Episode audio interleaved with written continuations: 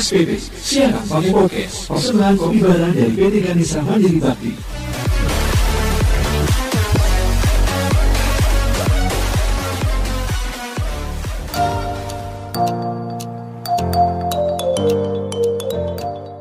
Alright everybody, welcome back again on SPP Siaran pakai podcast, nggak terasa kita udah sampai di episode keempat SPP Persembahan Kopi Bara Official dan PT Ganesa Mandiri Bakti. What's up everyone, Dedi Sembara balik lagi Dan kali ini ada yang spesial. Yang pertama, saya ingin ngucapin salam dulu ya. Salamnya adalah Dedi Sembara di SPP Tarak Tadung, Tarak Tadung, Tarak Tak Tak Tadung lata banget ya. Ini nggak tahu kenapa sih kok lagi viral ya jingle ini.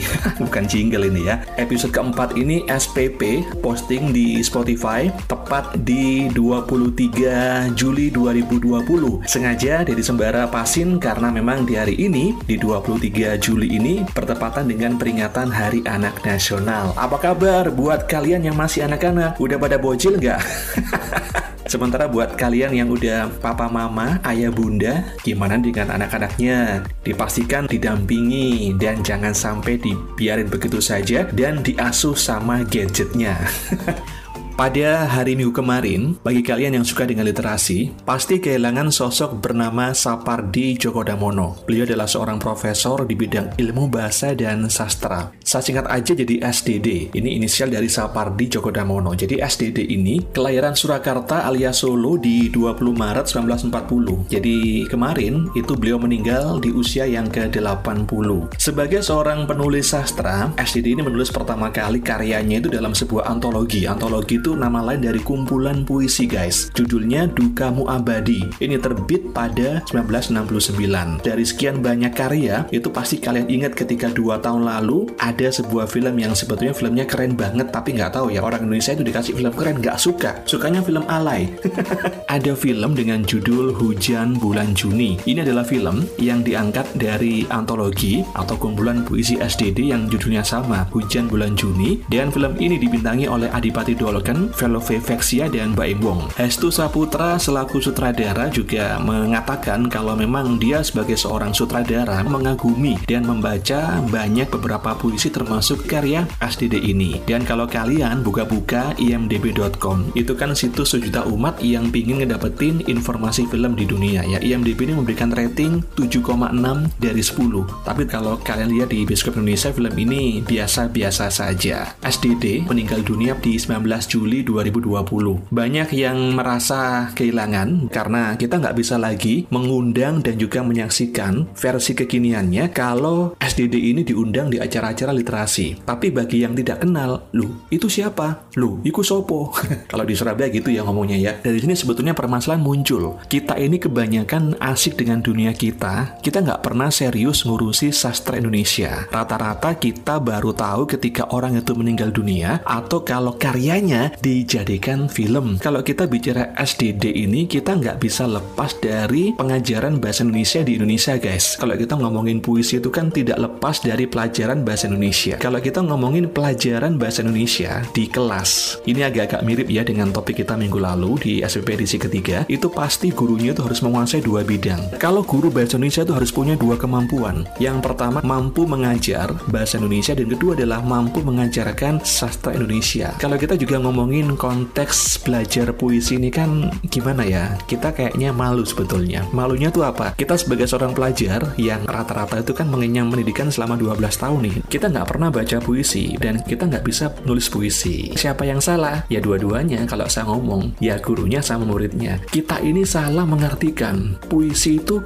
identik dengan rayuan di zaman sekarang. Jadi kalau ada orang, ada seleb itu pinter ngerayu di televisi, rayuan receh, itu dianggap pinter berpuisi guys. Itu yang kemudian salah kaprah. Rayuan receh dianggap sastra masa kini. Anak-anak belajar sastra dari toko yang tidak jelas. Tiga tahun terakhir deh, ketika ada novel yang tiba-tiba boom ketika dijadikan film, namanya Dilan. Nah, ini dia. Oke ya, ini subjektif ya. Jadi kalau kalian nggak terima, bisa protes SPP nih ya. Bisa protes saya, Dedi Sembara. Dilan itu bagi saya sosok nggak jelas. Dia katanya pinter ngerayu, rayuannya nggak jelas men. Dilan itu kan SMA-nya tahun 90. Tapi coba Coba rayuannya loh, kamu nggak akan kuat. Biar aku saja yang menahan rindu. Nah coba deh, anak 90 guys, tapi dia ngerayu ala 2010. Kira-kira matching nggak sih? Sosok Dilan hidup di era 90-an awal, pendekatannya kayak ngedekatin cewek di tahun 2010 bahkan 2020. Matching nggak sih sebetulnya? Dan ini dianggap karya sastra men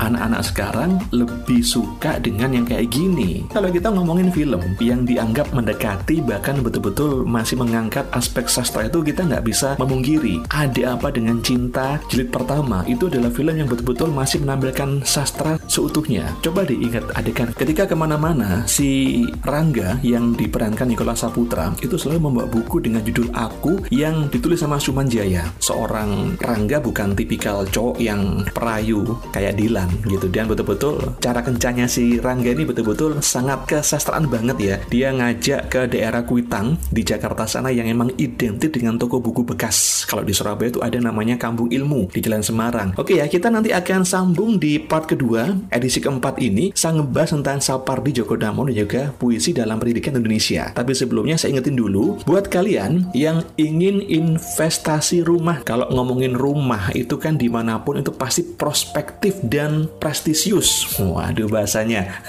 Jadi menguntungkan. Kalau kalian memang pingin punya rencana nih untuk beli rumah dan kebetulan ambil lokasi dekat-dekat dengan kota Semarang, langsung aja ambil rumah di Balai Kecandran Hills. Balai Kecandran Hills. Ini hunian rumah yang ada di Salatiga. Jadi kalau kalian nggak tahu, kota Salatiga itu kota yang sekarang udah maju-majunya dan dekat dengan kota Semarang, ibu kota Jawa Tengah. Balai Kecandran Hills. Ini adalah hunian rumah dua lantai lantai tapi nilainya guys satu lantai aja. Enak nggak kira-kira? Beli rumah seharga satu lantai dapatnya dua lantai nih. Cocok nih buat yang pengantin baru atau udah punya putra putri ini. Statusnya hak milik guys jadi nggak usah khawatir. Ini nanti gimana dengan sertifikatnya? Semuanya lengkap dan komplit dan paling utama adalah tim dari Balai Kecandran Hills. Siap membantu kalian? Langsung aja kontak 0813 2591 1411 saya ulang ya 08 13 2591 1411. Nanti ada tim dari Balai Kecandran Hills yang akan ngejelasin dan ngebantu kalian untuk bisa tahu gimana caranya punya rumah di Salatiga atau kalau pengen lihat langsung rumahnya, fotonya nih maksudnya, buka aja Instagramnya at Balai Kecandran Hills. Balainya biasa ya, B-A-L-E. Balai Kecandran Hills, H-I-L-L-S. Langsung follow IG-nya di at Balai Kecandran Hills.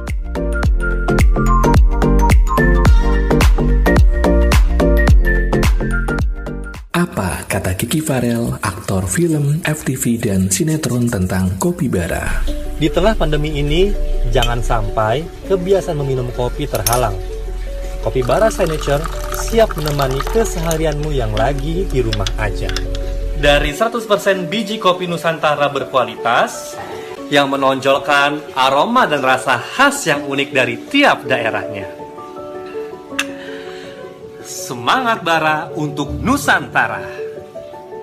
Untuk informasi Kopi Bara bisa Anda dapatkan di Instagram at Kopi Bara Official atau bisa menghubungi hotline di 0853 7252 5758 0853 7252 5758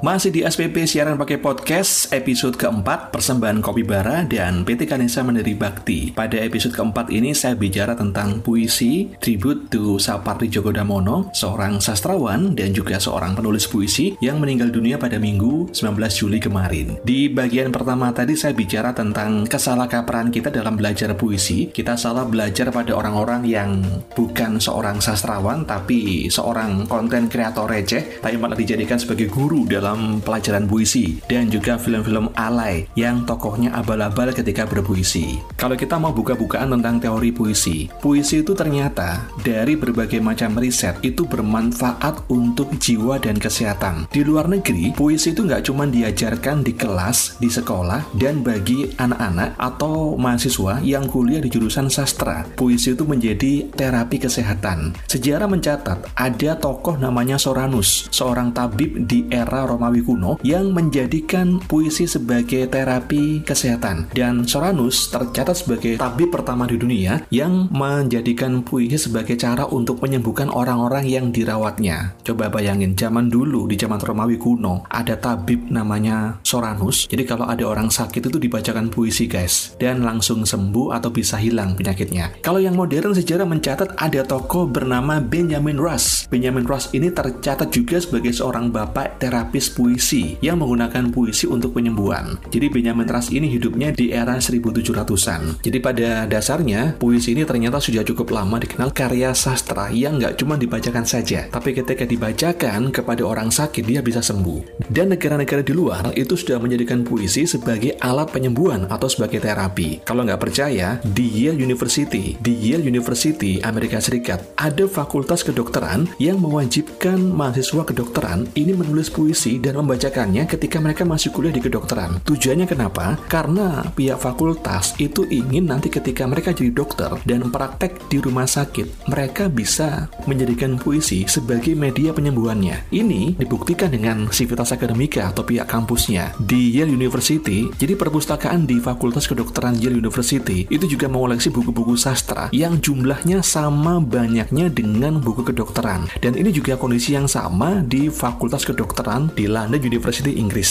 Sementara itu ada sebuah jurnal namanya Journal of Veterinary Therapy, media asal Inggris yang khusus membahas tentang puisi sebagai terapi jiwa dan kesehatan. Sementara di Indonesia belum ada yang seperti ini. Kita masih belum paham puisi itu seperti apa dan kadang-kadang bingung ya. Kalau kita bicara sastra itu bingung karena rata-rata itu tadi kalau belajar sastra itu setengah-setengah. Ya mereka kebanyakan belajar sastranya di sekolah dan juga di kampus ketika itu jurusan sastra, tapi nggak pernah diajarkan kalau mereka tidak kuliah atau tidak belajar ilmu sastra secara detail. Literasi puisi itu dianggap kegiatan aneh di Indonesia. Puisi hanya pelengkap dari pelajaran bahasa Indonesia saja, makanya nggak heran. Di bagian pertama tadi saya bilang, guru bahasa Indonesia itu paling sulit karena dia harus punya dua kemampuan, mengajarkan bahasa Indonesia dan juga mengajarkan sastra. Sarjana bahasa Indonesia itu hanya mampu satu aspek saja rata-rata. Kalau tidak bahasa ya sastra. Jadinya apa? Ketika dia masuk kategori atau bagian sastra di bahasa Indonesia itu kadang-kadang bingung. Jatuhnya apa? Ya udah, kasih tugas ya,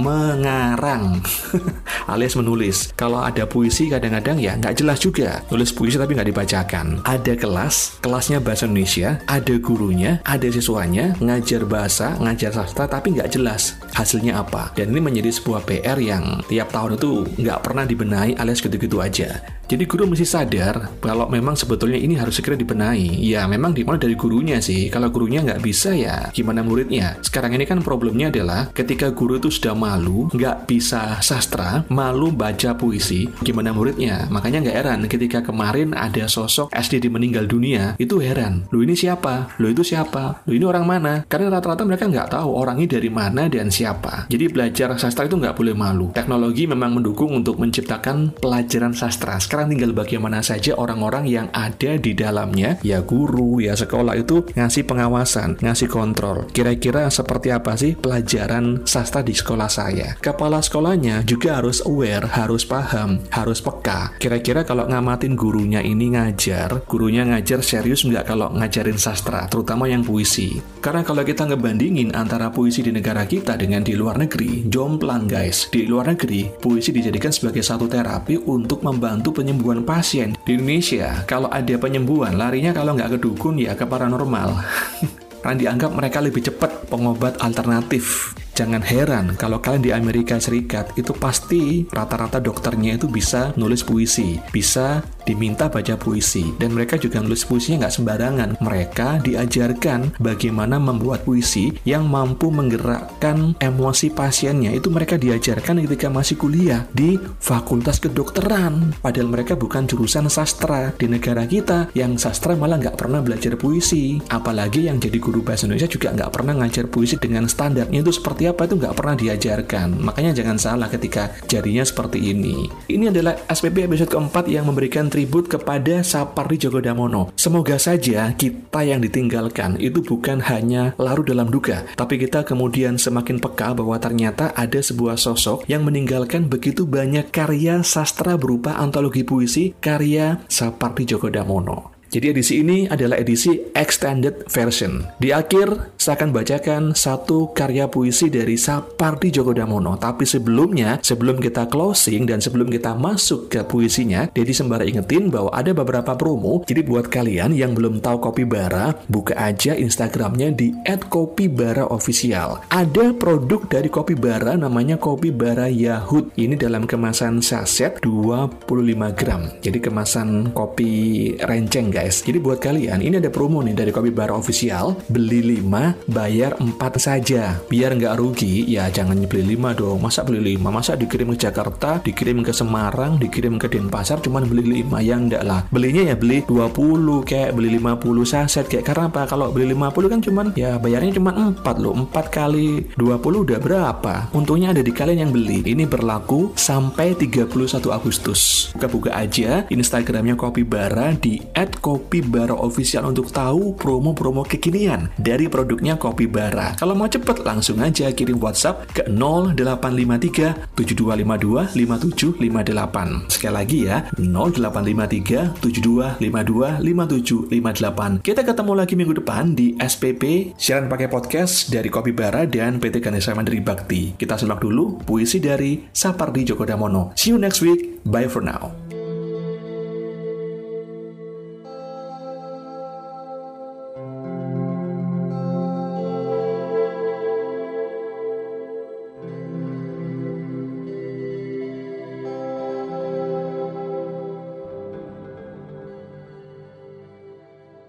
Pada suatu hari nanti, jasaku tak akan ada lagi.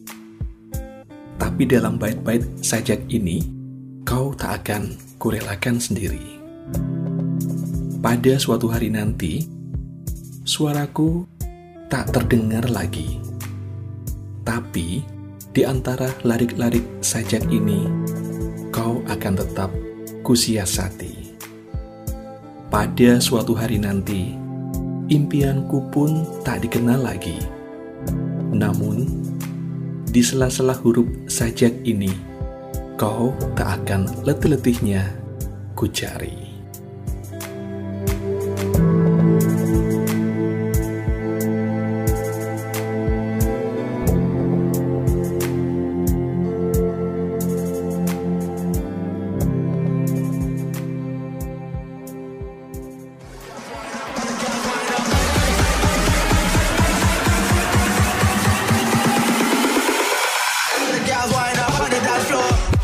SPP, siaran pakai podcast, persembahan kopi barang dari PT Ganesa Mandiri Bakti.